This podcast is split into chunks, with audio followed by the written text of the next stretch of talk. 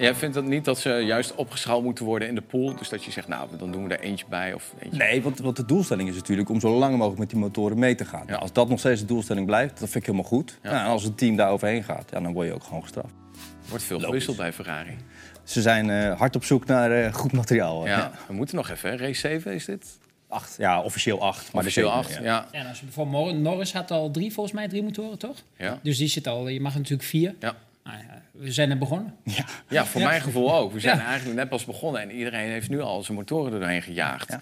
Of Control Electronics of eh, dat soort ongein. Dat wordt echt eh, alsof het elke week een beetje wordt vervangen.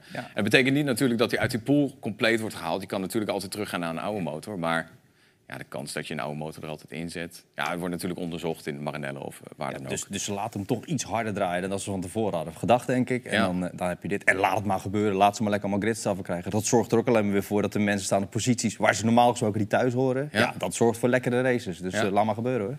Ja, jij vindt dat niet dat ze juist opgeschaald moeten worden in de pool? Dus dat je zegt, nou, dan doen we er eentje bij of eentje Nee, want, want de doelstelling is natuurlijk om zo lang mogelijk met die motoren mee te gaan. Ja. Als dat nog steeds de doelstelling blijft, dat vind ik helemaal goed. Ja. Nou, en als het team daar overheen gaat, ja, dan word je ook gewoon gestraft. Ja. Ik vind het een goede ja, win-verlies. eh. Ik weet eigenlijk niet hoe dat in de, de Porsche-wereld werkt. Hoe, hoe is dat zo? Ja, eh goede vraag. Bij ons zit het zeg maar als wij iets met de motor hebben. Dus ik had bij de Budapest test had ik een probleem met mijn, eh, met mijn gasklep. Daarvoor hebben we ook een andere motor erin gezet. Maar het is zo dat die, al die motoren zijn verzegeld. Dus wij zelf als team kunnen zeg maar niet zelf die mo- motor openmaken om te kijken van wat er nou precies meer in de hand is. Ja.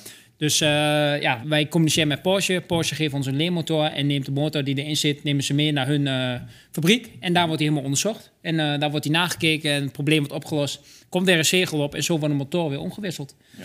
En eh, ik denk dat het een heel goede, goed systeem is. Eh, daarbij is het ook wel heel mooi. Ik heb het ook meegemaakt dat ik in eh Budapest was dat, ja, 2020, deze motorencheck. Dus ja, als ze vonden dat je motor te hard liep, konden ze zeggen van, hey, we nemen jouw motor mee. Die gaat mee Oh. als ontdekking. Je krijgt deze leermotor voor de volgende wedstrijden. Ja. En dan zouden ze, oké, krijg je de motor weer terug. Ik won uiteindelijk de volgende wedstrijden met hun motor. Dus ja, ik zei, hou hem er maar even. Dus, Ja, ja. Wat als je leenmotor sneller is dan jouw motor? Ja, ja, dan eh, zijn het wel mooi. Dus, eh, maar goed, uiteindelijk zijn die motoren natuurlijk best wel heel dicht bij elkaar. Er zou misschien een heel klein beetje verschillen, maar uiteindelijk zit het natuurlijk al aan de marge. Ja, zo gaat dat bij ons. Dus er wordt elke keer wel gecontroleerd dat niet iemand in één keer heel erg kan uitlopen met nee, zit het echt bovenop. Ja. Ehm, ze checken alles na. Je moet niet denken van, nee, ik ben even slimmer dan, eh, dan Porsche. Nee. Want ze zitten daar echt eh, ja, heel erg bovenop. Ja, en eh, eigen creaties. En dat wordt ook niet echt eh, bijvoorbeeld eh, iets dicht tapen of zo, waardoor de aerodynamica Dat was snel beter Dat is dit ja. jaar ook al gebeurd Ja. bij een team. Daar zitten ze echt ja, mega bovenop. Als ze dat weten, dan zijn ze er ook knalhard in. Dus Ja. dan ga je gewoon naar disqualificatie. En als het echt heel duidelijk op, opzettelijk gedaan, gedaan wordt... dan kunnen ze zelf je licentie inpakken van het team.